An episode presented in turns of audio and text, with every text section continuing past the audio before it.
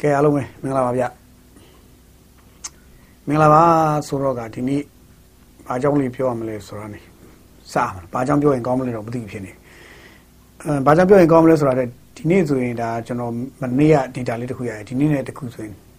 ၃ရက်ပေါ့နော်26ရက်နေ့ကစတဲ့ဒီကျောင်းပညာရေးပြန်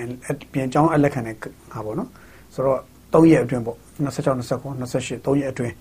ပြန်ပြီးကျောင်းရလာတဲ့ဟိုလူဦးရေစင်းက ၄တန်းလောက်ပတ်ချာလောက်ရှိနေပြီလို့သိရတယ်၄တန်းနဲ့အထက်ပေါ့ဗျကျော်တော်လာပြီလို့သိရတယ်ဆိုတော့နှစ်ရက်အတွင်းမှာ၃တန်းလာရသွားတယ်အဲနှစ်ရက်ပေါ့26 29နှစ်ရက်ထဲမှာလည်းဟိုတနိုင်ငံလုံးမှာ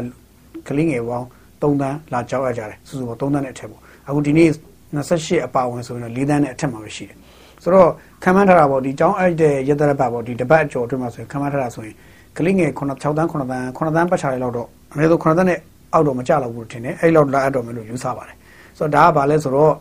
အာအရင်မနစ်ကနဲ့ရှင်လိုက်ရင်မနစ်ကတုန်းကမနစ်ကတော့ကကလေးငယ်အားလုံးပေါင်းလို့မှဒီပြောရမယ်ဆိုရင်2တန်း3တန်းလောက်ပဲရှိမယ်အခုက9တန်းလောက်ဖြစ်လာမယ်ဆို2ဆကျော်3ဆလောက်တက်လာတယ်ဆိုတဲ့သဘောကိုရှိတယ်ဘာလို့ဆိုတော့ကျွန်တော်တို့ចောင်းသွားအဲ့တဲ့အချိန်မှာသိလိုက်တဲ့ဟာလေးကြတော့ information တွေအရာဆိုရင်တော့ចောင်းတွေကိုပြန်လာအပ်ကြတယ်လို့သိရတယ်ဆိုတော့ဘာပြောတာကျွန်တော်တို့ဟိုကြည်နူးစရာကောင်းပါတယ်ဒီမြင်ကွင်းနေဒီနေရာမှာကျွန်တော် ဟိုကျောင်းမအပ်ဖို့အတင်းအသေးအံဖြစ်နေတဲ့ကျောင်းအပ်တာကိုကျောင်းတက်တာကိုကလေးကျောင်းတက်တာကိုအသေးအံအသေးအံနေဒီကလေးကျောင်းတက်တာအသေးအံနေဟိုပြုလို့ပြတဲ့ရန်ရှာပြောဆိုပြောဆိုတိုက်ခိုက်မယ်ဘုံခွဲမယ်တတ်မယ်ဖြတ်မယ်ကျင်ရနေတဲ့လူတွေကိုသူတို့တော့ကျွန်တော်တို့ပြန်ပြီးတော့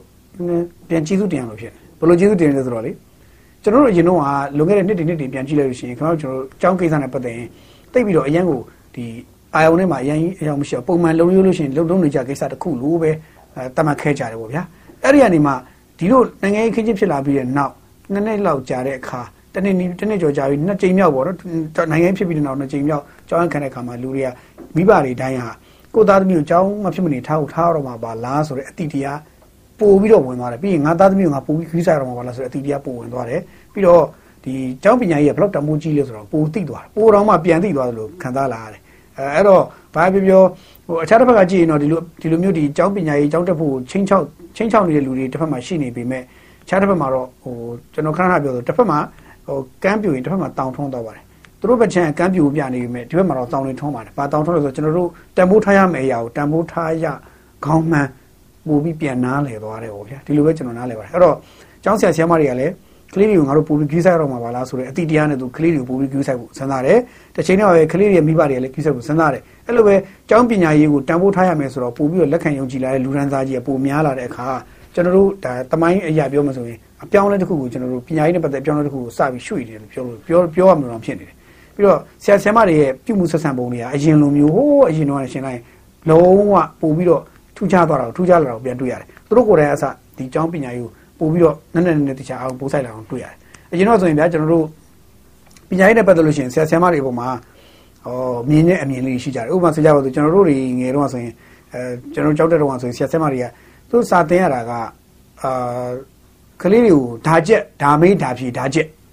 အဲဒါဒီအခုထိရှိတယ်ဗျာဟိုဓာပဲကျက်ဓာပဲမေးဓာပဲမေးမှာဓာဖြေဓာပဲကျက်အဲ့လိုဆိုတော့အဲ့ဒါကြီးကကြီးစိုးခဲ့တာဟုတ်ပြီအခုထိဒီနေ့လေအဲ့ဒါကြီးကြီးစိုးတယ်ကြီးစိုးတဲ့ခါကျတော့ အာကွာဆရာမတွေကိုယ်တိုင်ကကြက်တူရီနှုတ်တိုက်စာနေပြီးတော့ဆယ်တန်းအောင်လာပြီးဘွဲတွေရလာပြီးကျောင်းဆရာဆရာမဖြစ်လာတာပဲသူတို့တွေကပြန်သင်လိုက်ရင်ရောကြက်တူရီနှုတ်တိုက်စာတွေပဲပြန်သင်မှာမဟုတ်ဘူးလားဆိုတော့ဟာမျိုးရှိတယ်ပေါ့ဆိုတော့အဲ့လိုရှိခဲ့တယ်ပေါ့နော်ရှိခဲ့ရင်မဲ့ကျွန်တော်တို့ဒီစနစ်ဟာမှားနေပြီဆိုတော့ဂူဘဒီဘက်ခက်ကျောင်းဆရာဆရာမတွေတော်တော်များနားလည်လာပုံရတယ်နားလည်လာကြပုံတဖြည်းဖြည်းနားလည်သွားတော့ပြောဆိုသူတို့ဘဝမှာဒါကိုဖြတ်သန်းခဲ့ပြီးပြီလေဗျာဥပမာကျွန်တော်တို့အရွယ်ကျွန်တော်ပဲထားပါတော့ကျွန်တော်ကျောင်းသားဘဝတုန်းကအာကိုရန်ဆယ်တန်း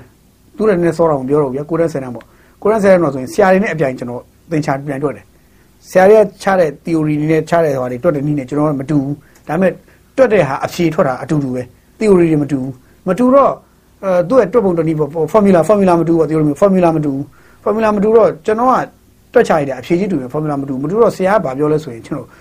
မင်းအဲ့လို formula တွေတွက်လို့ရှိရင်မင်းစောင်းဝတ်သားဖြစ်မင်းရှုံးနေမယ်အမှတ်ပေးစနစ်မှာတစ်ဆင့်ချင်းမင်းဘယ်လောက်ထိ formula မို့ပိုင်ပိုင်နဲ့နားလဲလဲဆိုတော့တစ်ဆင့်ချင်းအမှတ်ပေးရတယ်အဲ့ဒါမင်းအဖြေထွက်လဲအဖြေမှာအမှတ်ပေးရမဟုတ်ဘူးတဲ့အဖြေမှာအမှတ်ပေးရင်တော့မင်းဟိုမှာအမှတ်ပြည့်မရဘူးတဲ့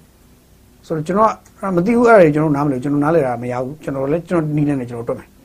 အဖြေတစ်ခုရရင်ဖြေတစ်ခုရဖို့လိုတယ်ဘယ်နီးလန်းတွက်တော့အဲ့လိုကျွန်တော်ယုံကြည်တွက်တယ်အော်တခါဟိုအင်္ဂလိပ်စာဆိုလဲအင်္ဂလိပ်စာအရောက်မြန်မာစာဟိုကျွန်တော်တို့မြန်မာစာမှာကြပြားတို့စောင်းပါတို့ရေးရတော့မယ်ဆိုရင်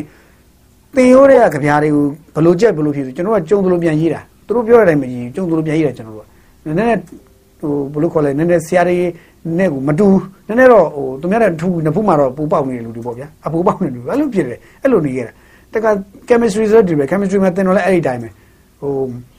ဘယ်လိုလဲဆိုရင်ကျွန်တော်မဟုတ်တဲ့ဟာတွေပဲရှောက်ပေါက်ခဲ့ပြောတာပါဇက်ကနေပေါက်ခဲ့ရှောက်ပြောတာဥပမာဆရာဟို H2O ကရေလို့ပြောရင်ဆရာရေက H2O ဆိုရင်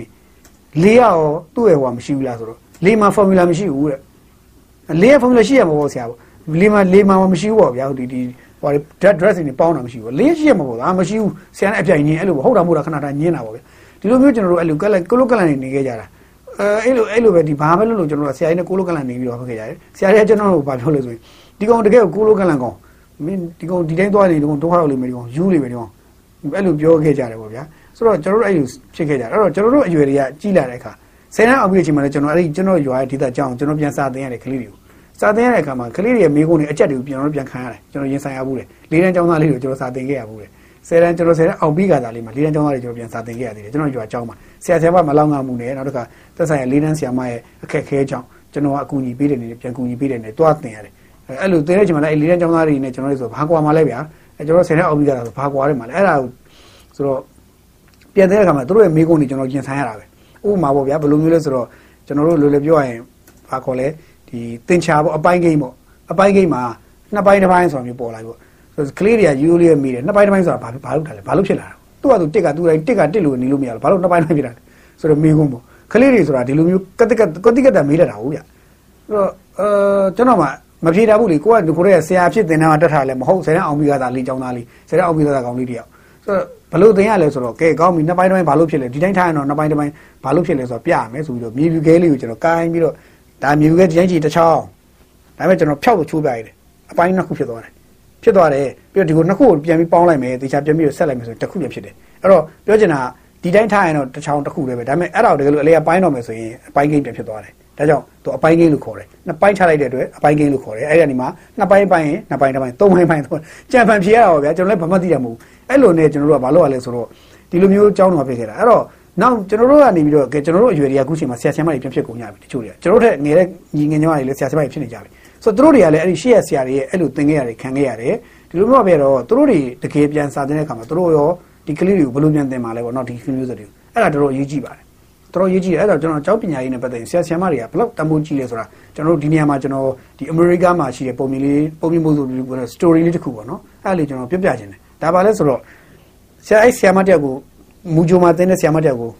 မီဒီယာကြီးတစ်ခုကအင်တာဗျူးတယ်ကလေးတွေကိုစာသင်ပေးရတာကလေးတွေကိုစာသင်ပေးရတာဘယ်လိုနေလဲဘာလဲမေးတော့မေးတဲ့ချိန်မှာသူကကလေးငယ်တွေနဲ့ပတ်သက်ပြီးသူကတစ်ခုမေးတယ်ဒီဟိုပါပေါ့ကလေးငယ်နှစ်ယောက်ကိုသူရှင်မေးတယ်ဒီကလေးနဲ့ဒီကလေးနဲ့ဘယ်ကလေးကပို့တော်လဲပေါ့ဆိုတော့သူကမေးတယ်ရှင်ပြောရရှင်းရှင်းလေးနှစ်ယောက်လုံးကတော်တယ်ဘယ်သူကပို့တော်လဲဆိုနှစ်ယောက်လုံးကတော်တယ်ဆိုတော့သူကဘာပြောလဲဆိုတော့ပန်းပန်းနဲ့ဥမာပေးတယ်ဥမာ ရှင်မေးတာကဒီကလေးတော့ဘယ်သူကြိုက်လဲမေးတာမဟုတ်ဒီကလေးတော့ဘယ်သူပို့တော်လဲပို့ပြီးမှမေးတာအဲ့တော့ကလေးတော့ဆိုတော်တယ်ပန်းလို့ပြောမယ်ဆိုရင်ရှင်မေးတာနှင်းစီပန်းကြိုက်လားစပယ်ပန်းကြိုက်လားမေးတာမဟုတ်ဘူး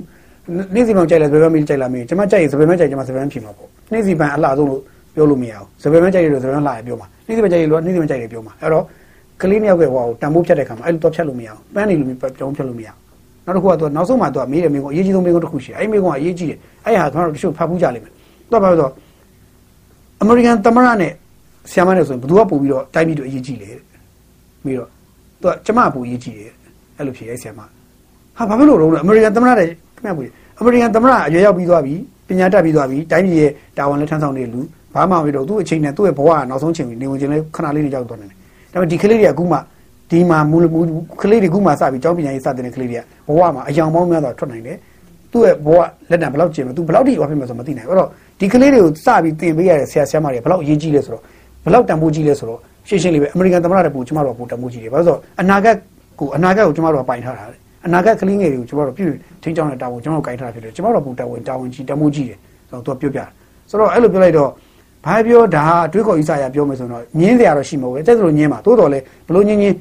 ဒီဆရာဆရာမတွေရဲ့တန်ဖိုးဘယ်လောက်ကြီးလဲဆိုတာကိုကျွန်တော်ပြောတာပါဆရာဆရာမတွေဘယ်လောက်တန်ဖိုးကြီးလဲဆရာဆရာမတွေကဒီကလေးငယ်တွေရဲ့အနာဂတ်တွေဘယ်လောက်အရေးကြီးလဲဆိုတာကိုကျွန်တော်ပြချင်တာအဲ့တော့ဒါကြောင့်ဆရာဆရာမတွေကိုကျွန်တော်တို့က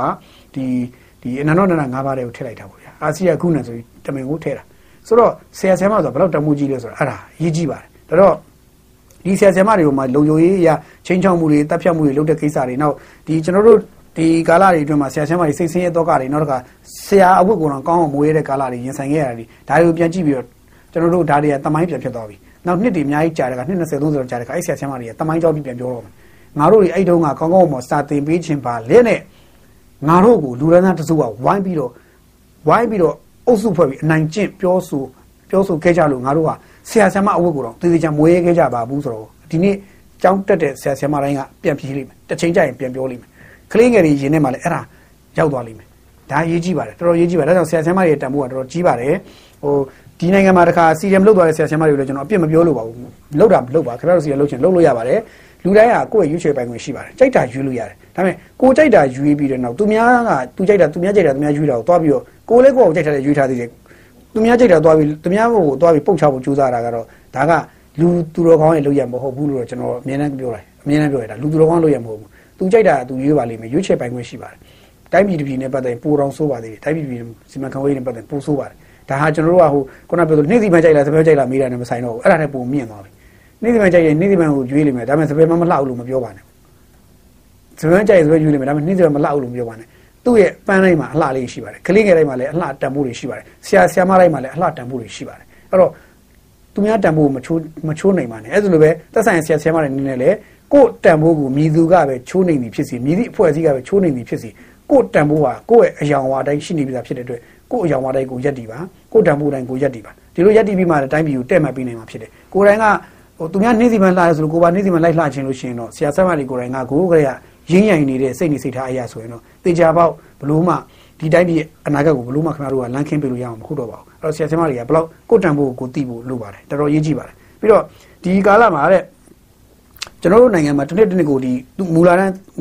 မူကျော်ကနေပြီးတော့10တန်းအထိတစ်နှစ်တစ်နှစ်ကိုအကြောင်းသားဥယျာ10တန်းလောက်ရှိနီးပါးလောက်ရှိတယ်ပုံမှန်10တန်းလောက်ရှိနီးပါးရှိတယ်အဲ့တော့ဒီနေ့ပြီးခဲ့တဲ့နှစ်တွေထားပါတော့ဒီနှစ်မှာဆိုရင်ဒါ အခုကျောင်းအကာလာဘယ်တော့မှမကြာသေးခင်မှာပဲ၄တန်းကျော်လောက်အပ်နေပြီဆိုရင်နောက်ရက်သက်တစ်ပတ်ဒီလာမယ့်ရှိတဲ့ဘက်ထဲမှာဆိုရင်အမက်ကလေးနဲ့ပေါင်းလိုက်ရင်ကျွန်တော်ထင်တယ်9တန်းနဲ့အထက်မှာပဲဖြစ်မယ်ဆိုတော့ဘာပြောပြော10တန်းကျော်တွေက9တန်းနဲ့အထက်ပြန်ရောက်လာတယ်ဆိုတာဟာအရင်တော့ဆိုရင်ဒါလုံးဝလွတ်ပြရမလို့ဖြစ်နေတယ်ပြန်ရောက်လာတာဒါဝမ်းသာစရာကောင်းတဲ့ကိစ္စပါနောက်တစ်ခုကကျောင်းဆရာဆရာမတွေက၄သိန်းပတ်ချာလဲလောက်ရှိတယ်လို့သိရတယ်အဲ့ဒီကထက်ဝက်နီးပါးလောက်ဟာစီဒီအမ်လုပ်သွားခဲ့ကြတယ်အခုဆိုရင်စီဒီအမ်လုပ်ကနေပြန်ပြီးတော့ပြန်ဝင်လာကြလူတွေရှိလို့သိရတယ်ဆိုတော့ စီဒီအမ်လုပ်တဲ့ဆရာမတွေကိုအရင်တော့ဆိုလို့ရှိရင်စီဒီအမ်လုပ်ခိုင်းခဲ့တဲ့သူတွေကလာတာပေးမယ်လို့ပြောခဲ့ကြဘူးလေလုံလောက်တဲ့ငွေကြီးပေးမယ်လို့ပြောခဲ့ကြဘူးလေအခုကျွန်တော်မေးကြည့်ပါမယ်ရကြသလားပေးသလားရသလားပြီးတော့စီဒီအမ်လုပ်ခဲ့တဲ့ဆရာဆရာမတွေပေါ်တာဝန်ခံမှုပေးသလားဘဝလုံခြုံမှုပေးသလားကျွန်တော်ဒီမေးခွန်းမေးကြည့်ပါဆိုတော့တာဝန်ခံပြီးသွားပြီဆိုရင်တာဝန်ယူရတော့မယ်ဗျတာဝန်ယူရမယ်တာဝန်ရှိကြောင်းလည်းသိအောင်လုပ်ရတယ်ပြီးရင်တကယ်ကိုလည်းတည်တည်ချာ ဟိုကဲလုပ်ပြရမှာဒါပေမဲ့ကျွန်တော်သိသလောက်တော့အခုချိန်ဒီစီရီယန်လုပ်သွားတဲ့ဆရာဆရာမတွေအပေါ်မှာတာဝန်ယူမှုတာဝန်ခံမှုဘာမှမရှိဘူးဆရာဆရာမတွေဘာမှမရဘူးဝင်ငွေတခြားမှမရဘူးဘာမှတခြားမရခဲ့ဘူးတခါဆရာဆရာမတွေမှမဟုတ်ဘူးတော့အခြားသောစက်တာလိုက်စီရီယန်လုပ်သွားတဲ့လူတွေအကုန်လုံးဘာမှဝင်ငွေကောင်းကောင်းမရဘူးကျွန်တော်နိုင်ငံမှာစီရီယန်လုပ်သွားတဲ့ဝန်ထမ်းအင်အားဟာရှင်းရှင်းပြောရရင်တော့2သိန်း3သိန်းမှမကောက်ဘူးအများကြီးရှိတယ်အဲ့ဒါလောက်ပမာဏတွေအကုန်လုံးပတ်စံရလားထင်လားဝင်ငွေပြင်ရတယ်ထင်လားမရကြဘူးလို့ကျွန်တော်နားလည်ထားပါတယ် အဲ့လူတွေအကုန်လုံးတရားမကောင်းကောင်းမရပါဘူးသို့တော့ကျွန်တော်ပြပြမယ်ခင်ဗျားတို့ကိုဝင်ပါလို့ပြောခဲ့ကြတယ်တိုက်တွန်းခဲ့ကြတဲ့သူတွေတဲကတချို့တွေနေဆက်ကိုရောက်သွားတဲ့လူတွေကျွန်တော်ပုံပြလို့ပြောရမယ် NUG တွေက NUG NUG society ထဲမှာ NUG ရဲ့အစိုးရအဖွဲ့ပဲဗျာသူ NUG အစိုးရဆိုတဲ့အဖွဲ့ကြီးတွေကလူတွေ NUG အမှတ်တွေဖြစ်နေ CIPH တွေအမှတ်တွေအဲ့လူတွေတလောက်လာတာ10သိန်းရနေတယ်အခုအခုတလောက်လာ10သိန်းရနေတယ်လာတာ10သိန်းဒီပါရတယ်10သိန်းရတယ်10သိန်းဒီပါရတယ်ပြီးရင်မဲဆောက်မှာ နေဖို့အတွက်ကိုကြာကြာနာနာအခန်းတွေငှားပေးထားတယ်အဲ့ကုန်ကြတဲ့ကို NUG ရဲ့ခုနခင်ဗျားတို့ဒီဘက်ကဝိုင်းလှူနေကြတဲ့ပတ်စံတွေနဲ့တုံးသွားတယ်လူတွေဒီကနေပြီးတော့ NUG ယုံကြည်ပါတယ်ဆိုလူတွေဝိုင်းလှူတဲ့ပတ်စံတွေကိုတုံးပြီးတော့အဲ့လူတွေကလာတာရတယ်လာတာအတရင်ရတယ်နော်လုံခြုံရေးအဆောက်အအုံအပြည့်ရတယ်လုံခြုံရေးဆိုတာ PDF လေးတွေကိုလုံခြုံရေးသူတို့နဲ့တနက်ဘိမှတနက်သူတို့သွားလာတနက်နောက်လုံခြုံရေးလိုက်နေရတယ်တနက်လုံခြုံရေးအဆောက်အအုံနဲ့သူကသွားနေရတယ်သွားကြတယ်မဲဆောက်မှာလာတာရတယ်လုံခြုံရေးအဆောက်အအုံနဲ့သွားခွင့်ရတယ်အဲပြီးရင်နေဖို့ နေရာပူဝင်စရာမလိုနေစရာတော့ကိုစီစဉ်ပေးထားတယ်ရနေကြတယ်ဒါပေမဲ့သူတို့တွေကနေပြီးစီရီယယ်လုပ်ပါလို့ပြောလိုက်တဲ့ခုနဝန်ထမ်းအင်အား2သိန်းနဲ့အထက်3သိန်းလောက်ဟာကောက်တော့ကောက်မထင်ပါဘူးဗျာထားပါတော့2သိန်း3သိန်းထားပါတော့အဲ့လူတွေကပတ်စံတစ်လကို1000တောင်ရကြရလားအဲ့ဆိုတန်သလားပေါ့ခင်ဗျားတို့ယင်းနီးပေးခဲ့တာပိတ်ဆက်ခဲ့ရတာတန်သလားပေါ့ကျွန်တော်အဲ့လိုပဲမေးကြည့်ခြင်းတန်သလားပေါ့ကျွန်တော်ခုပြောတဲ့ကင်္ဂရမှားလားမှန်လားမင်း AUG ရဲ့လူတွေထွက်ရှင်းလို့ရတယ်ကျွန်တော်ပွင့်နေပြောတာထွက်ရှင်းလို့ရတယ်ဒီ data မှားလားမှန်လားမင်းကျွန်တော်က data ခိုင်မှရှိတယ် အဲ့တော့ data ခိုင်မှရှိတယ်ကျွန်တော်တည်လာပြောတာတစ်လကိုလာလာ10သိန်းတချို့ဆို10သိန်းတော့မကဘူးရတယ်လို့သိရတယ်တချို့ဆိုရင် project အလိုက်ကိုကို project ရှာနိုင်ရှာနိုင်တယ်လို့အကြီးကျယ်ရတယ်မီလီယံနဲ့ချီဒေါ်လာတန်းနဲ့ချီတော့ရတယ်လို့ရှိတယ်အိတ်ထက်ထည့်ပြီးရလို့အများကြီးပဲရှိတယ်ပေါ်ပိုင်းမှာပေါ်ပိုင်းရောက်ကြည့်ရင်ကြီးသလိုပေါ့ဗျာဒေါ်လာမီလီယံချီဒေါ်လာတန်းချီပြီးတော့မိသားစုတွေရဲ့ဘဏ်အကောင့်တွေကိုလွှဲထားပြီးသွားပြီသူ့ဘဏ်အကောင့်ကမထားဘူးသူ့ရဲ့မိသားစုရဲ့သားသမီးအကောင့်သို့မဟုတ်မိန်းမအကောင့်သူ့ရဲ့ဖိုးဖွားတခုမိအကောင့်တွေကိုထည့်ထားပြီးသွားပြီအများကြီးပြရတယ်ရှိတယ်အဲ့ဒါရရှိနေပြီဆိုတာလေ ဒါရှင်းရှင်းပြောရရင်တော့ UNG ထဲမှာသူ့အတူဖြစ်နေတဲ့မဲဆောက်ထဲမှာဖြစ်နေတဲ့ပြဿနာတွေမှာကျွန်တော်တို့ပြန်သိနေရပါတယ်နောက်တစ်ခုကတခါချင်းမိုင်ပဲဒီဘက်ကိုတချို့တွေဆိုရွှေ့သွားပြီချင်းမိုင်ကပို့ပြီးတော့ဟိုဘက်ကိုကူးလို့လွယ်တယ်တတိယနိုင်ငံကူးကပိုမြန်တယ်မဲဆောက်တဲ့ပိုမြန်တယ်ပြီးရင်ပို့ပြီးတော့လည်းစိတ်ချရတော့ဗျာပို့ပြီးစိတ်ချရတယ်ပြီးတော့အဲ့ဒီမှာကလုံခြုံတယ်ပေါ့အဲ့ဒီနေရာကိုရွှေ့ကြရတယ်တချို့တွေကအဲ့တော့ချင်းမိုင်အုပ်စုနဲ့မဲဆောက်အုပ်စုနှစ်ချမ်းပြန်ကွဲသွားတယ်တခါအာဘာတိဘာဖြစ်လဲဆိုလို့ရှိရင်ဒီလွန်ခဲ့တဲ့ရက်ပိုင်းတွေမှာဆိုလို့ရှိရင်ကမ်ဘောဒီးယားဘက်ကနေပြီးတော့ ပေးမဲ့ infra ဘယ်လိုခေါ်လဲဒီလူသားစာနာမှုအကူအညီအဲ့အကူအညီကိုရဖို့အတွက်ကိုနော်ဒီမြန်မာနိုင်ငံကနာမည်ရတဲ့ဆရာတော်တစ်ပါးကိုအသုံးချဖို့ကြိုးစားတယ်နာမည်ရဆရာတော်အသုံးချဖို့ကြိုးစားတယ်အဲ့ဆရာတော်ကိုသွားပြီးတော့ကတ်တယ်အဲ့ဆရာတော်ကသက်ဆိုင်ရာနိုင်ငံကဟိုဟာတွေအကူအညီကိုအဲ့ဆရာတော်နဲ့ဂျားကန်ယူပြီးတော့သူကအဲ့ဆရာတော်ကနေပို့တဲ့ခါမှာ NUG ကပို့သလိုနဲ့သူကလူသလိုနဲ့ချဖို့ပြင်တယ်ဒါပေမဲ့အဲ့ရဲ့ဆရာတော်ဘက်ကလူတွေကတခွန်းနဲ့ပဲမေးတယ်နောက်တစ်ခါကမ္ဘောဒီးယားဘက်ကတန်ယုံကကိုယ်စားလှယ်တွေဝါတွေဖွဲ့တွေဖွဲ့စည်းတယ်တန်တမဖွဲ့စည်းတခွန်းနဲ့ပဲရိုးလေးပဲမေးတယ်ပြဿနာတစ်ခုဖြစ်လာရင် ဘယ်သူကတာဝန်ခံပါလဲ NUG မှာခေါင်းဆောင်ကဘယ်သူလဲဘယ်သူကခေါင်းဆောင်ဘယ်သူကခေါင်းဆောင်တာဝန်ခံပါလဲခေါင်းဆောင်ပြီးတော့တာဝန်ခံပါလဲဆိုတဲ့မေးခွန်းမဖြေနိုင်တော့ဘူးမဖြေနိုင်တဲ့အတွက်အဲ့ဒီအဲ့ဒီဆရာတို့နဲ့တွေ့ခဲ့ကြတဲ့လူတွေမဲဆောက်မှာတွေ့ကြတဲ့လူတွေအဲမဲဆောက်ဘက်မှာတွေ့တယ်ဟိုဘက်ချမ်းမှာတွေ့ခဲ့ကြတဲ့သူတွေရှိတယ်ဗျအဲတော့တွေ့ခဲ့ကြတဲ့လူတွေရှိတယ်အဲ့လူတွေအကုန်လုံးကအတန်မထွက်တော့ဘူးအတန်မထွက်တော့ဘူးတွေ့ပြီးတော့ဘာလို့မှမသိဖြစ်ကုန်တယ်ပြောချင်တာတော့နော်ဟိုတွေ့တဲ့နေရာရှိရဗျာကျွန်တော်နေရာလေးပြောမှာပေါ့နေရာလေးတော့နည်းနည်းလေးကျွန်တော်ကျွန်တော်ပြောလိုက်မယ်နော်ဟိုတက်ခရိုင်ဘက်မှာ နော်တက်ခရိုင်ဘက်မှာအဲ့တော့မဲဆောက်ဘက်မှာလည်းမြေလေးကလောက်ဆရာတော်အဲ့ဆရာတော်ယူဖို့လုပ်တယ်ဒီဘက်ချမ်းမေထော်တလေးဘက်မှာလည်းမေထော်တလေးဘက်မှာလည်းလုပ်ဖို့ပြင်တယ်အာနောက်တစ်ခုကမေဖတရားစီရင်ဖွင့်ဖို့လည်းကိစ္စတွေလည်းရှိတယ်ဇလန်တွေပဲအဲ့ဒါလည်းပဲကျွန်တော်အဲ့လောက်ပြောနေတယ်တချို့တွေကသဘောပေါက်ပါတယ်နော်အဲ့တော့ဒါလေးတွေရှိတော့ကဲအဲ့လိုသွားပြီးအဲ့ဆရာတော်ကိုသွားပြီးခုလို့ဂျန်တုံးခုခုပြီးညှိနှိုင်းပြီးတော့လူလဲကြဖို့ကြိုးစားကြတဲ့ဇလန်တွေရှိတယ်လို့ကျွန်တော်သိရတယ်အဲ့တော့ဟိုဘာပြောဒါတွေကဖြစ်နေတဲ့ဖြစ်စဉ်ပေါ့ ဆိုတော့ကျွန်တော်ပြောတာနဲ့နောက်ထပ်ဇလန်ဆိုလို့ရှိရင်ရိုးရိုးလေးပါဟိုမနေ့ကပဲမနေ့ကလို့ပြောမလားဒီနေ့မနေ့လို့ပြောမလားမသိဘူးဗျဒီနေ့ပဲပြန်လာတဲ့ရုပ်သံဖိုင်ကျွန်တော်အဲ့ဒိတ်ဒိတ်ကိုတော့မကြည့်လိုက်ဘူးမနေ့ကညနဲ့ဒီနေ့မနေ့ဒီနေ့ဖြစ်ဖို့များတယ်အဲ့တော့မြတ်အောင်ဆိုတဲ့အကောင့်ပိုင်ရှင်အဲ့ဒီလူငယ်လေးကကြာပြီခဏခဏသူ PDF လုပ်နေကြာပြီနောက်ဆုံးသူမခံနိုင်တဲ့အဆုံးကြမှာသူထုတ်ပြောတယ်ဘာလို့ထုတ်ပြောလဲမင်းဟို UNG ကကျွန်တော်ပြောတဲ့ဟာပဲ UNG PDF အဲ PDF တွေကသူတို့မှလက်နက်စုံလင်ရှိပါတယ်အပြည့်စုံရှိပါလျှက်နဲ့ အာတိုက်ပွဲတွေကို၄ခေတ်ကောမှဖြစ်ခဲ့တဲ့တိုက်ပွဲမှာဆိုသွားတော့မတိုက်ဘူးကိုတော်တိုက်ကိုတော်တိုက်မပြီးဘူးသူတို့ကျန်တဲ့ဒီမီဂျိုမောင်းပြဂျိုဂျိုနဲ့ပဲအဖွဲ့လေးတွေကပဲတကယ်စိတ်သက်ခံယူချက်နဲ့ပြည့်နေတာတိုက်ပြီးမယ်အဲ့ဒီတကယ် UNG ဘက်ကတကယ်အမာခံ PDF အမာခံအဖွဲ့ကြီးတွေကအဖွဲ့ကြီးတွေကြတော့တော့မတိုက်ဘူးပြီးလို့ဘာလုပ်နေလဲဆိုတော့ခုန NLD အမှတ်တွေကိုလုံခြုံရေးပေးနေရတယ်တိုက်ပွဲမသွားဘူးလုံခြုံရေးပေးနေရတယ် NLD မှတ်တွေကိုခုနကျွန်တော်ပြောတယ်သွားတူနေတယ်သူပြောတယ်ဆိုသွားတူနေတယ်အဲ့တော့တူလို့ကျွန်တော်ဒီနေ့နှစ်ခုကိုပေါင်းမှတစ်ခုကျွန်တော်ချပါရတယ် ခိုင်းဆိုကျွန်တော်ကကျွန်တော်ပြောရင်ပရိပဒပြောတယ်ဖြစ်မှာဆိုလို့အဲ့တော့ကျွန်တော်ကဒီနေ့အဲ့ကလေးအဲ့လူငယ်တယောက်ပြောတာနဲ့ကျွန်တော်လည်းကျွန်တော်သိတဲ့ information တော့ပေါင်းပြောလိုက်တာခုန10သိန်းဆိုတဲ့ကိစ္စတွေကိုကျွန်တော်ထည့်ပြောလိုက်တာဒါသိတယ်ကျွန်တော်ကြားခဲ့ပါပြီဆိုတော့အဲ့တော့တခါဘာဖြစ်လဲဆိုတော့ဟိုဟို AUG ထဲမှာအတွင်းတလန်ရှိနေတယ်ဆိုပြီးတော့အဲ့လူငယ်ကပဲထည့်ပြောသွားတယ်အဲ့ video file မှာလည်းတချို့ကြည့်ရလိမ့်မယ်ကြည့်ရလိမ့်မယ်နော်အတွင်းတလန်ရှိနေတယ်တဲ့ AUG ထိပ်ပိုင်းထဲမှာအတွင်းတလန်ရှိနေတယ်ဆိုပြီးတော့ပြောတယ်ရှိလို့လည်းတချို့လူတွေအကြီးကျယ်ဖန်ခံရတာရှိတယ်မှာကိုဂျင်မီတို့ဖန်ခံရတဲ့ကိစ္စမျိုးတွေ အာဇေယျတော်တို့ဖန်ခံရတဲ့ကိစ္စမျိုးတွေဆိုရင်ဒါအတွင်းတလန်တွေရဲ့အချက်လက်တွေလို့ခြေခံတယ်ပေါ့ဗျာအဲ့တော့တခါအတွင်းတလန်ဘယ်လောက်ကြီးလဲလို့မေးရင်တော့ခင်ဗျာဟိုဟာဗာလဲဟိုနောက်ဆုံးဝင်းကျုပ်အဖြိုးမင်းသိန်းတော်ပဲပါနေတော့မေးရမယ်မေးခွန်းပေါ့ဗျာဒါကတော့လေကျွန်တော်လည်းမသိပါဘူးဗျာဒါတော့အဲ့လိုဖြစ်မှာတော့အဲ့တော့သူနေသူ့ဆိုရင်တော်တော်စိတ်ဆိုးတယ်စိတ်ဆိုးပြီးတော့ဒေါက်တာဇော်ဝေဆိုးတို့ဥယျာဉ်မွန်တို့မေးခွန်းထုတ်တာပေါ့ဗျာပြီးရင်ဆဲတောင်ဆဲသွားတယ်သူတော်တော်လေးကိုစိတ်ဆိုးမှန်ဆိုတယ်သူဆဲတာတွေ့ရတယ်ဆိုတော့ဘာပဲပြောဒါတွေတွေ့ရပါတယ်အဲ့တော့ ကျွန်တော်တခါနောက်ထပ်တော့ဆိုလို့ရှိရင်ကျွန်တော်မိတ်ဆွေတယောက်ကပြောတယ်ဟိုဗာလဲဟိုပါပေါ့မိတ်ဆွေတယောက်ကပြောတယ်တဲ့ဒီလိုဒီနေ့ဒီချိန်မှာတဲ့ဒီနေ့ဒီချိန်မှာဒီလောက်ចောင်းသားចောင်းသူចောင်းသားတွေចောင်းဆရာចောင်းဆရာဆရာမတွေတောက်လျှောက်နှုတ်ဟိုတတ်မယ်ဖြတ်မယ်ဘုံဖွဲမယ်ဆိုချင်းချောက်နေတဲ့အဲအဖွဲ့တွေပေါ့ PDF တွေပေါ့ PDF တွေရဲ့ခေါင်းဆောင်ဖြစ်တဲ့ကာကွယ်ဝင်ကြီးဥယျာဉ်မုံပေါ့ဥယျာဉ်မုံမေးပေးပါတဲ့ကျွန်တော်တို့တချို့ကပြောတယ်မေးခွန်းလေးတစ်ခုလောက်မေးပေးပါတဲ့ဘာမေးခွန်းလေးလဲဆိုတော့တဲ့သူ့အမေနဲ့အဖေကចောင်းဆရာဆရာမတွေပါတဲ့အဲ့တော့ သူ့အဖေနဲ့အမေတော်မှပဲသူ့ရဲ့လှုပ်ဆောင်ချက်တွေသူ့တပည့်သူ့အောက်ကလူတွေလုပ်နေတာကိုသူ့အဖေအမေတော်လက်ခံရလားပေါ့ဥယျာဉ်မုံရဲ့လှုပ်ဆောင်ချက်တွေဥယျာဉ်မင်းရဲ့အောက်ကတပည့်တွေလုပ်နေတာကိုသူ့အဖေနဲ့အမေလက်ခံရလားဆိုတော့မေးကြည့်ပေးပါတဲ့ဆိုတော့အဲ့လိုမျိုးကျွန်တော်သတင်းစကားပါတယ်ဗျအဲ့တော့ကျွန်တော်အခုကြုံလို့မေးကြည့်တာပါလက်ခံရလားတဲ့ဘာလို့ဆိုတော့သူ့အဖေကကျောင်းဆရာကြီးလို့ဖူးတယ်သူ့အမေကလည်းကျောင်းကျောင်းဆရာမအဲအဖေနာမည်ကဆိုဦးကျော်ဆိုရင်အမေနာမည်ဆိုဒေါ်တင်တင်ဆိုပြီးတော့သေချာကြာကြာနာလာပေးထားတယ်ဥယျာဉ်မွန်မေးကြည့်ပေးပါတဲ့သူ့အဖေအမေတောင်လက်မခံနိုင်တဲ့အလုပ်ကိုဘာဖြစ်လို့ဥယျာဉ်မွန်တို့အဲ့လိုလုပ်နေကြတာလဲဆိုတဲ့မိကုံမျိုး ပြီးပြပါတယ်ဆိုတော့ကျွန်တော်လည်းဒါမသိဘူးကျွန်တော်ကြုံလို့မေးကြည့်တာပေါ့နော်ကျွန်တော်လာပြပြတဲ့သတင်းချက်လက်လာပြပြတဲ့သူပြပြတော့ကျွန်တော်လည်းဩသူတို့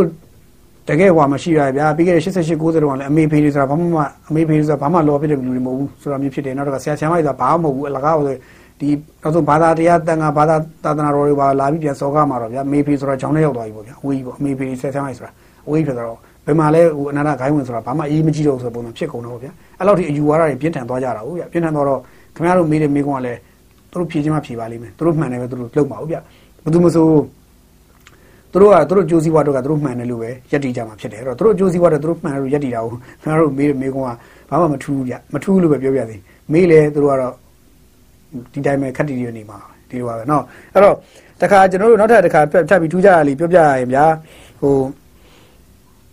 ဒီမနေ့ကဆိုရင်ဗီဒီယိုဖိုင်တစ်ဖိုင်တက်လာတယ်အဲ့မှာအဲ့ဟွာဆိုလို့ရှိရင်တန်လျင်ဘက်မှာလို့လည်းကြားတယ်ကြောက်တက်ဘက်မှာလို့လည်းကြားတယ်ဘလို့ဖြစ်ဖြစ်ဆီယာမာကြီးတက်ကူမေးနေတာလေကလေးငယ်လေးတွေအကြောင်းအပ်ဖို့ဘာဖို့ညာဖို့ဆို80ကျော်နေလို့ဆရာကြီးလက်ခံလို့မရဘူးဘာညာပြောတဲ့ဟာမြန်မာနိုင်ငံမှာပဲရှိတယ်တမန်နိုင်ငံတွေမှာဆိုလို့ဆရာဆရာမတက်ကူဆရာဆရာမတက်ရောက်ကိုကလေးငယ်ကျောင်းသားကျောင်းသူ30ကျော်ပဲလက်ခံတယ်သင်တိုင်းတဲ့ပမာဏသူသင်တိုင်းတဲ့ပမာဏ coverage ဖြစ်တဲ့ဟာကိုသူတွက်ထားတာကျွန်တော်တို့သိတော့ဆို24ယောက်ပဲ 24ယောက်ပဲတချို့လက်ခံတယ်တချို့30ကျော်ပဲလက်ခံတယ်ဒါပေမဲ့အခုဆရာမတယောက်ကို80လောက်သင်ရမယ်လူကလေးငယ်80လောက်အယောက်80လောက်ကိုသင်ရမယ်သဘောဖြစ်နေတယ်ဆိုတော့ခင်ဗျာပြန်စဉ်းစားကြည့်ပြလူ80လောက်ကြီးကိုသင်ရမယ်ဆရာမတယောက်ကဟို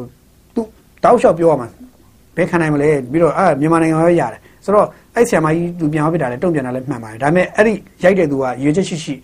တမင်ကိုဒါတိတ်ခါချဖို့ဒီဆရာမကြီးကိုတိတ်ခါချဖို့သူတို့တခုခုပေါ့ဗျာရွေချက်တခုကြောင့်ရိုက်တယ်တော်တော်ခင်ဗျာကျောင်းသားအမဲ့လူတယောက်တကယ်ခင်ဗျာကျောင်းသားတဲ့အတဲ့လူတယောက်ကအဲ့လိုဗီဒီယိုရိုက်မယ်လို့ထင်လား ဘယ်သူမှမရိုက်ဘူးဗျကျွန်တော်လည်းမရိုက်ခဲ့ဘူးမရိုက်ဘူးကျွန်တော်သိချင်အောင်မေးတယ်မေးပြီးရင်ကျွန်တော်တို့ကိုကလေး SH အပ်တယ်ပြီးပြီးသွားပြီပြီးတော့တကယ်လဲနောက်တစ်ခုက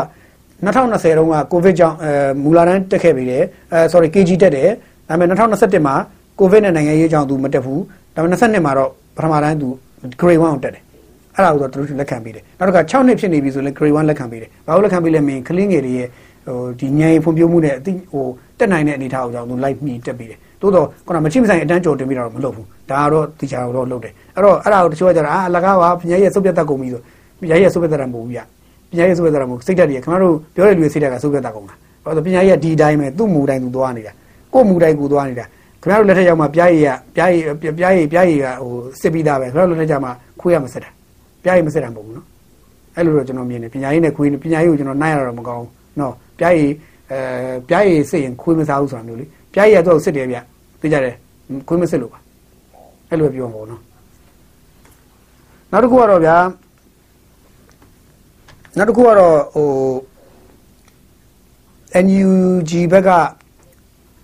အော် NLD က NLD NLD ကဥအောင်ကြီးညွန့်နဲ့ KNU က Frequent Win တို့တွေ့ကြတယ်ဆိုတာလေးသတင်းလေးတစ်ခုရှိတယ်အဲ့သတင်းလေးကခင်ဗျားတို့လည်းတွေ့လိမ့်မယ်အဲသူတို့တွေ့ကြတယ်ဒါ၃ချိန်လောက်လို့လည်းကျွန်တော်သိထားတယ်ဆိုတော့ဟို Frequent Win တို့အုပ်စုဒီ Prosotoni တို့အုပ်စုပေါ့ဗျာ အဲ Prosota တို့မူတို့အုပ်စုတွေသူတို့အုပ်စုတွေနဲ့တွေ့ကြတယ်လို့ကျွန်တော်တို့သိရတယ်ဆိုတော့ဒီလိုတွေ့ကြတော့ဒီလိုတွေ့ကြတဲ့နဲ့ပတ်သက်ပြီးတော့ဘာဆွေးနွေးကြမလဲလို့မေးရင်သူတို့ဟာဒီ UG sorry NLD စီကနေဂရိကိုပြန်ပြီးတော့ UG နဲ့သဘောတော့ရှိတယ်အဲတွေ့တဲ့အခါမှာလည်းသူတို့ဆွေးနွေးတာတော့ဒီစေအာနာရှင်ချုပ်ရေးဘာညာပေါ့ဗျာဒါကြီးဆွေးနွေးတာသိရတယ်ဒါပေမဲ့ကျွန်တော်ဒီနေရာမှာ information လေးတစ်ခုကျွန်တော်ပြန်ပြီးကြုံလို့ထည့်ပေးခြင်းတယ်ဗျသူတို့ NLD နဲ့ KNU နဲ့တွေ့ရဆိုလို့စစ်တပ်နဲ့ KNU နဲ့ကဲခေါင်းဆောင်တွေကလုံးဝမတွေ့တော့ဘူးလားဆိုတော့မေးခွန်းပေါ့အဲ့တော့ကျွန်တော်ဒီနေရာမှာသတင်းစကားတစ်ခုပြောပါမယ်အဲအဲ့တော့မီဒီယာမှာခေါင်းတော့မြင်ရမှာမဟုတ်ဘူးအဲသက်ဆိုင်လူတွေလည်းဒါကိုညင်းဆိုလိမ့်မယ်ညင်းရင်တော့ကျွန်တော် email ပါထုတ်ပြရင်ထုတ်ပြမှာကျွန်တော်အဲ email တော့ထုတ်မပြတော့ပါဗျ screenshot ကျွန်တော်မှမရှိသေးတာသို့တော့ရှေ့လူရဲ့ရှိတဲ့အတွက်တချို့လူ email screen ထုတ်ပြပါလိမ့်မယ်တကယ်ညင်းတူတူခါညင်းကြည့်ဗျအဲ့ကြိုင်ထွက်လာလိမ့်မယ်အခုတော့ကျွန်တော်ထွက်မှာမဟုတ်ဘူးအဲ့ပါလဲဆိုတော့ဥအောင်ချင်းညွန့်နဲ့ NLD နဲ့တွေ့တဲ့အပြင် အခုဒီငင်းချင်းဆွေးနွေးပွဲလေးဒီဗိုလ်ချုပ်ကြီးမင်းအောင်လည်းတော့ဖိတ်ခေါ်လိုက်တဲ့အချိန်လေးမှာပဲအဲ့ဒီအချိန်လေးပါပဲနော်အာ KNU ဘက်ကအာပရိုဆောစောတော်နီလာစောတာတို့မူလာအဲပရိုစောတာတို့မူလာမသိဘူးနှစ်ယောက်တည်းတယောက်ကျွန်တော်အဲ့မှာနာမည်မှတ်လိုက်တာလွယ်နေလေးလွယ်သွားတယ်လွယ်သွားမှထင်ပါတယ်နော်အဲ့တော့အဲ့နှစ်ယောက်တည်းတယောက်ပြအာအတွင်းမူအတွင်းမူသူတို့နှစ်ယောက်တည်းတယောက်အတွင်းမူကနေပြီးတော့ဘုရားကြီးမင်းအွန်လိုင်းနဲ့ Zoom meeting လုပ်ချင်လို့ပါဆိုပြီးတော့လှမ်းပြီးတော့ email နဲ့ဆက်သွယ်ပြီးတူခွင့်တောင်းခဲ့တယ်လို့ကျွန်တော်သိရတယ်သူတောင်းခဲ့တဲ့လူကလည်းတူကြဘူးဘူးမှမဟုတ်ဒုတိယဗိုလ်ချုပ်ကြီးမင်းအောင်နေချိုင်းဆွေးနွေးပွဲကော်မရှင်ဘက်ကဆွေးနွေးတဲ့ဒီဗိုလ်ချုပ်ကြီးရပြီလို့ဖွဲ့တဲ့ကဒုတိယဗိုလ်ချုပ်ကြီးမင်းအောင်လို့စီကိုအီးမေးလ်ပို့လိုက်တယ်တဲ့ပြီးခဲ့တဲ့မေလ22 23လောက်မှာပို့လိုက်တယ်ပို့တော့ဟိုဘက်ကအဲအီးမေးလ်ကိုကြည့်ပြီးတော့ပြုံးစည်းစည်းနေဖြစ်နေတယ်ပြောချင်တာဟို20ရက်နေ့မှာဦးရစစ်နဲ့စတွေ့တယ်ဦးရစစ်နဲ့တွေ့တယ်21 22 23 23လို့ကြာသူတို့မှတစ်ဖက်တောင်မဆောင်နိုင်ဘူးပြူပြူပြည့်နေအသေးသက်ဗိုလ်ချုပ်ကြီးမင်းအောင်လည်းနဲ့ လူချင်းတော့မတွေ့ဘူးပေါ့သူတို့တိုးတော့ Zoom meeting နဲ့စကားပြောလို့ရမလားပေါ့ဗိုလ်ချုပ်ကြီးမင်းအောင်လည်းနဲ့ဆိုတော့ဟိုဘက်ကတော့ဗိုလ်ချုပ်ကြီးမင်းအောင်လည်းနေရာမှာခင်ဗျားဆိုရင်လက်ခံမယ်လို့ထင်လားလက်ခံမယ်လို့ထင်လားပေါ့လက်ခံခဲ့လားမခံခဲ့လားဆိုမေးရင်တော့အဲ့ဒီခင်ဗျားဆိုရင်လက်ခံပါလားမေးမယ်အဲ့တော့သူတို့ဖိတ်ခေါ်ရတာပါလေနောက်တစ်ခါသူတို့ဖိတ်ခေါ်ရတဲ့အကြောင်းအရာပါလဲနောက်တစ်ခါဖိတ်ခေါ်ထားတဲ့အချိန်နဲ့အချိန်ခါနဲ့သွားနေတဲ့ပုံစံ trend ကိုခင်ဗျားတို့သိပြီးသားဖြစ်တဲ့အတွက်ဟိုဘက်ကလက်ခံလားမခံဘူးလားဆိုတာကခင်ဗျားတို့ခုလက်ရှိမြေပြင်မှာမြင်နေရတဲ့အခင်းခင်းချင်းပဲအဲ့တော့ KNU အုပ်စုကတစ်ဖက်မှာ NLD နဲ့စကားပြောနေပြီမဲ့ NLD ကဥအောင်ချင်းညွန့်နဲ့စကားပြောနေပြီမဲ့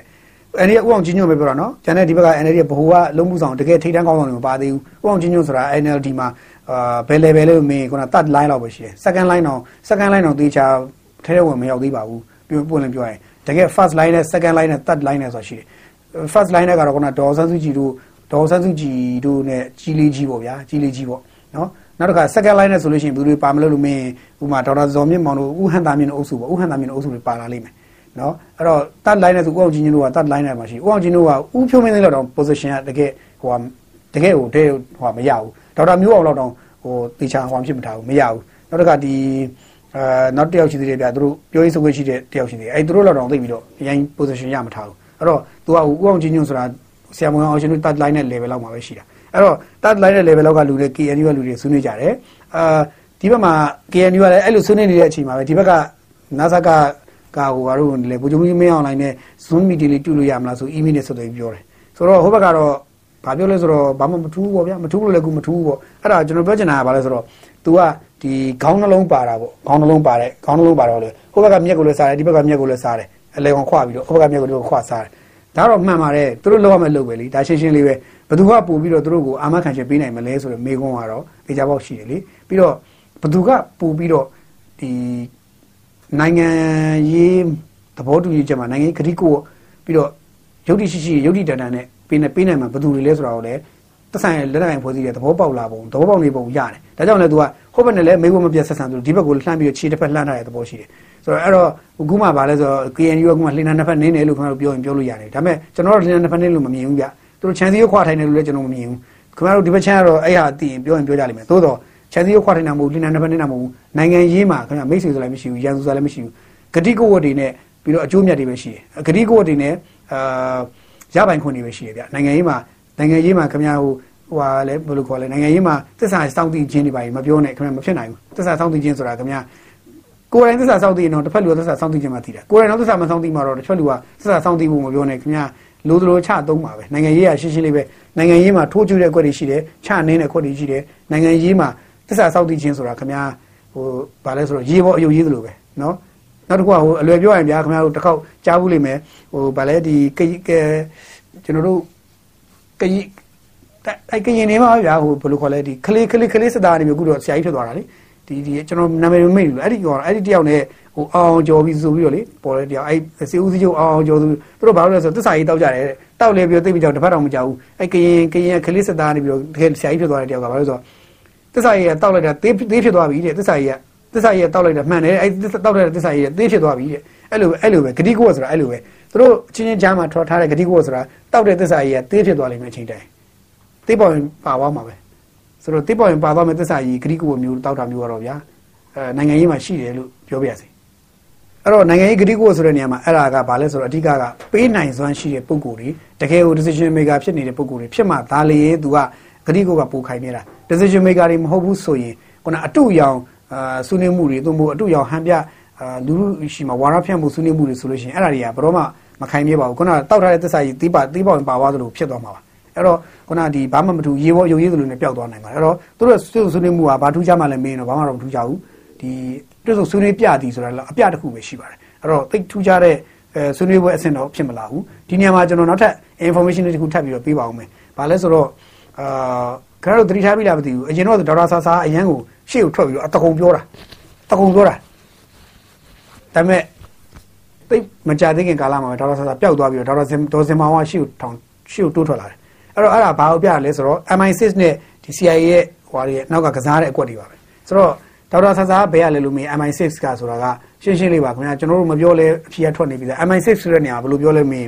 သူ့ကို Britain ကဒီဒီ Britain ကဟိုမင်းသားမင်းသားတစ်ပါးကတော့သူ့ကိုတခြားမွေးပြီးတော့ချင်းပြည်နယ်မှာတခြားဖြစ်တာပါလေဆိုပြီးတော့ထွက်ထားတာလေတရင်အတိအကျကြီးခိုင်မာကြီးသူကိုယ်တိုင်ထုတ်ပြောထားတဲ့ဟာကြီးဖြစ်နေတယ်အဲ့တော့တခါတည်းမှာကိုကကိုကဟို CIA cell တို့ MI6 cell တို့ဆိုတာက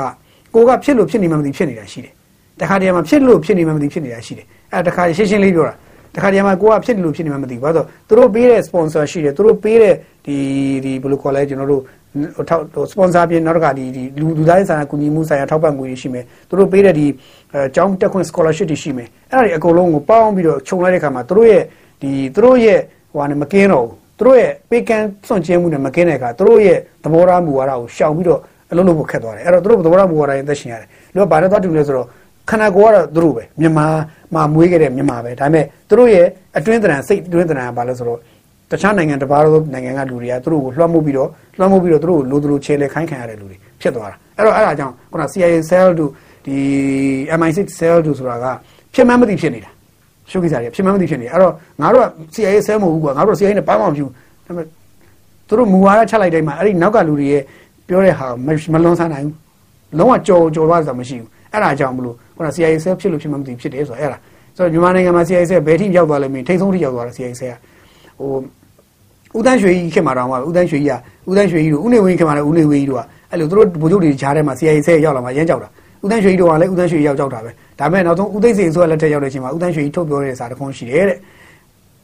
စိုးသိန်းနဲ့အောင်မင်းရဲ့ CIA ဆဲတွေกว่าဆိုပြီးတော့ပြောတဲ့စကားရှိတယ်အဲ့စကားရှိခဲ့ဘူးလို့ဆိုတော့ အာဟုတ်ရင်လည်းဟုတ်မယ်မဟုတ်ရင်လည်းမဟုတ်ဘူးဘာလို့ဆိုတော့ဒါပြောတော့ခက်တယ်သို့တော့ဦးတန်းရွှေကြီးကတော့အဲ့လိုပြောပြီးဆိုတော့နည်းနည်းတော့ဒါစဉ်းစားစရာကောင်းတယ်ဟို cell တွေကမရောက်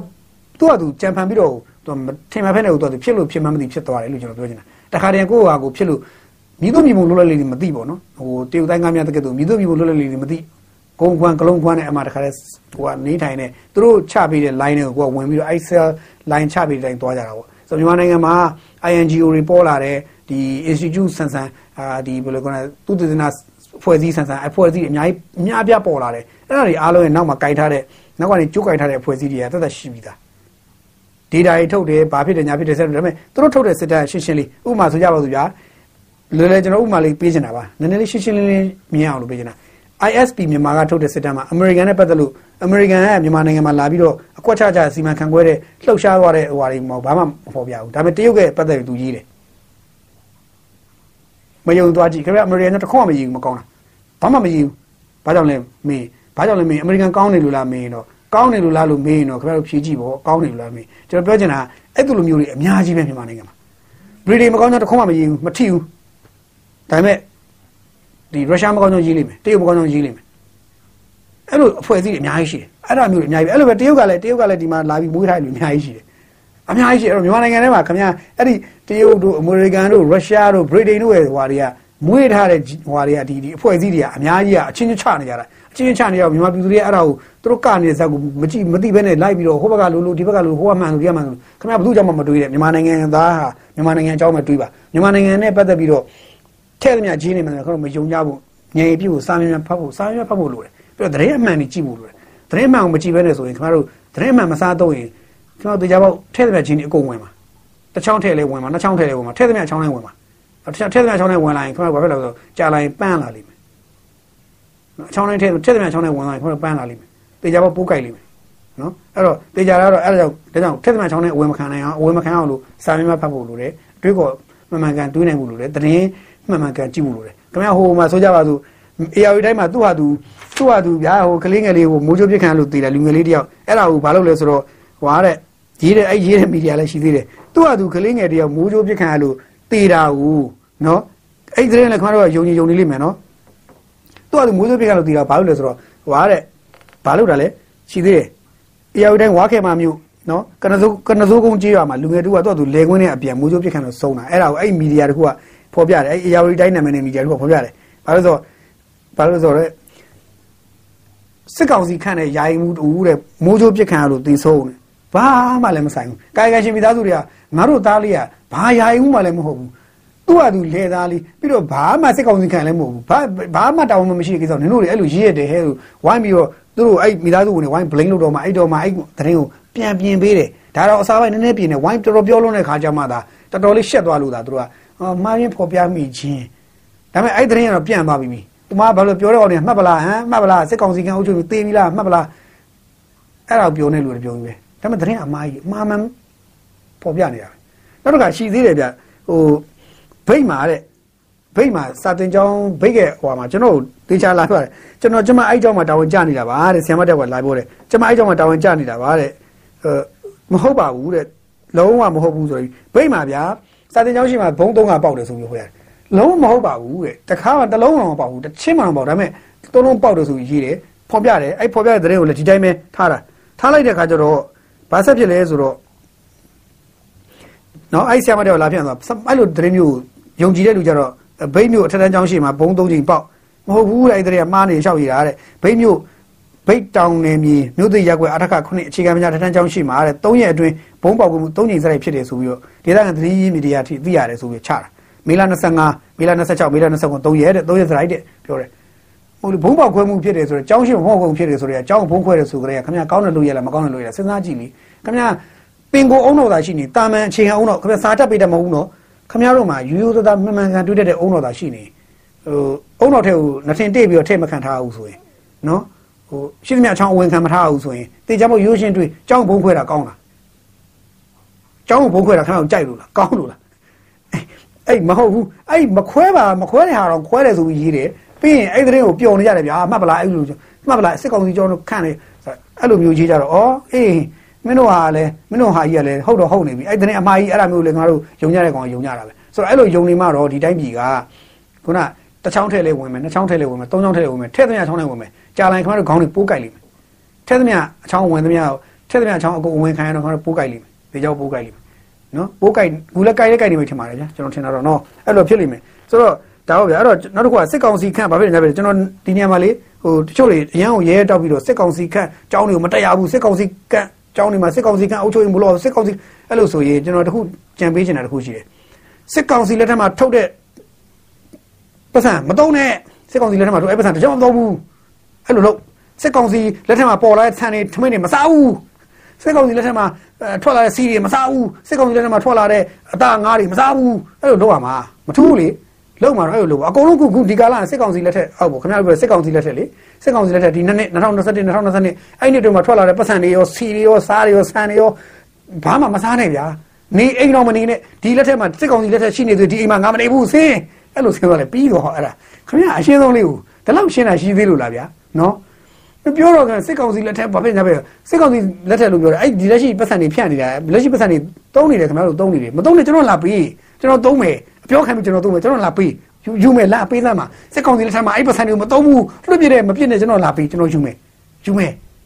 စစ်ကောင်စီလက်ထက်မှာဟာဒီဆန်တွေကိုငါမစားဘူးပေးကျွန်တော်လာပြီးကျွန်တော်ယူမယ်ဟဲ့စီရင်ငါမစားဘူးငါပေးကျွန်တော်လာပြီးကျွန်တော်ယူမယ်လားလာခဲ့အဲ့ဒါကိုကျွန်တော်လိုချင်တာဗျာအဲ့လိုအဲ့လောက်ထိလုပ်စေချင်တာအဲ့ဒါတော့လုံးဝခင်ဗျားတို့ကလုံးဝ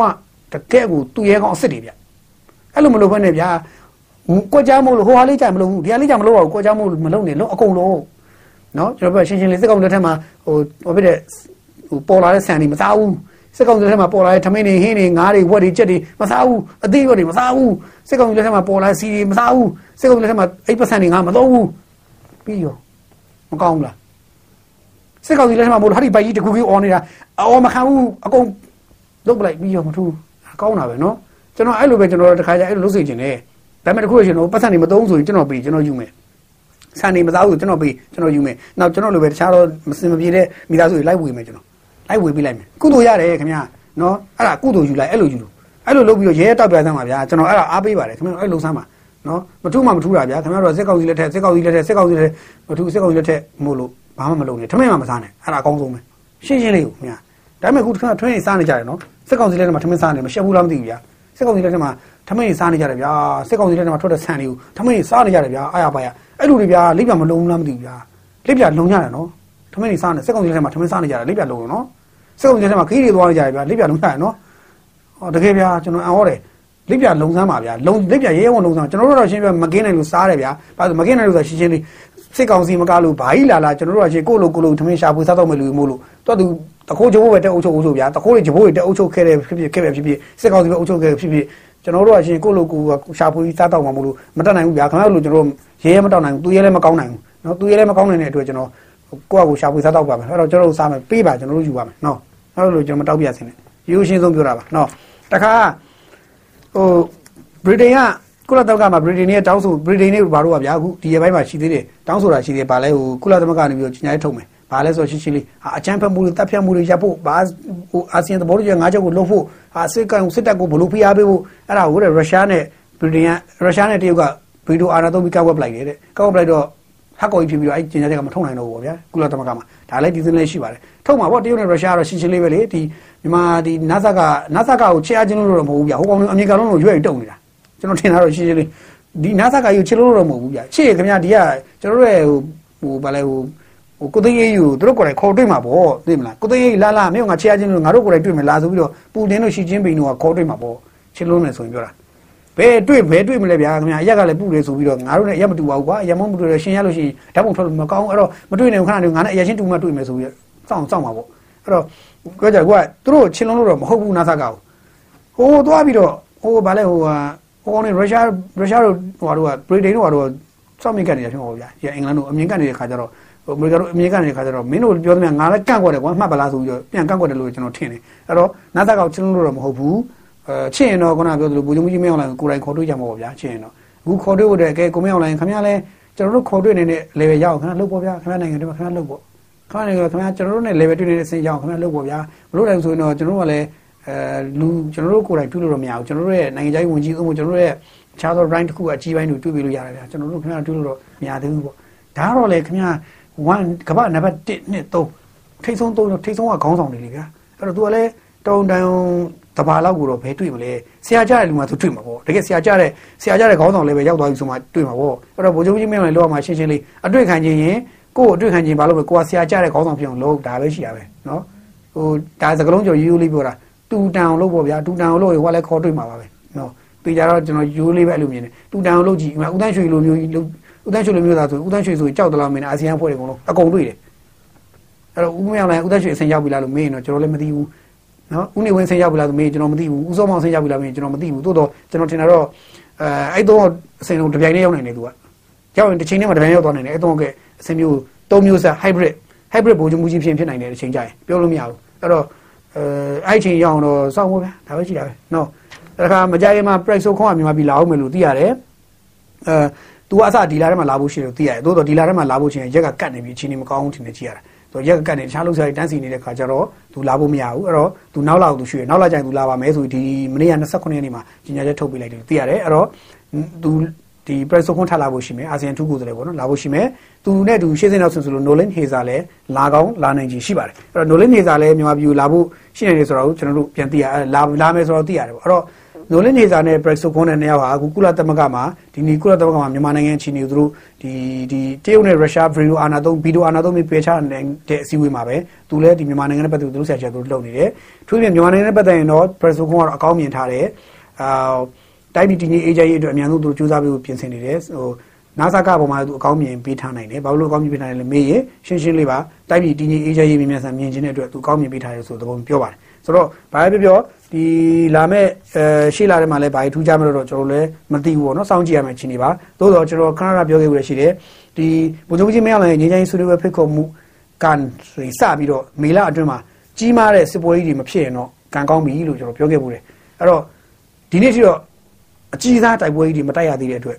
ကျွန်တော်တို့အစိုးရအကောင့်လို့မျှော်လင့်ထားပါတယ်အဲ့တော့လာမယ့်ဇွန်ဇူလိုင်တွေကလည်းနောက်ထပ် ဆွေးနွေးပွဲတွေမှာနောက်ထပ်လူအသစ်တွေအသစ်တွေထပ်ပြီးတော့ရောက်လာနိုင်ခြင်းရှိနိုင်သေးတဲ့ဆွေးနွေးပွဲဖြစ်ဦးမယ်လို့ကျွန်တော်တို့မျှော်လင့်မျှော်လင့်ထားပါတယ်အဲ့တော့ဘာဖြစ်ပြောအာအစိုးရကနေအကောင့်ဘက်ကိုရောက်လာဖို့ပဲကျွန်တော်တို့ဟိုဝိုင်းပြီးတော့ကျွန်တော်ပြည်သူအားလုံးဝိုင်းတွန်းကြဖို့လိုပါတယ်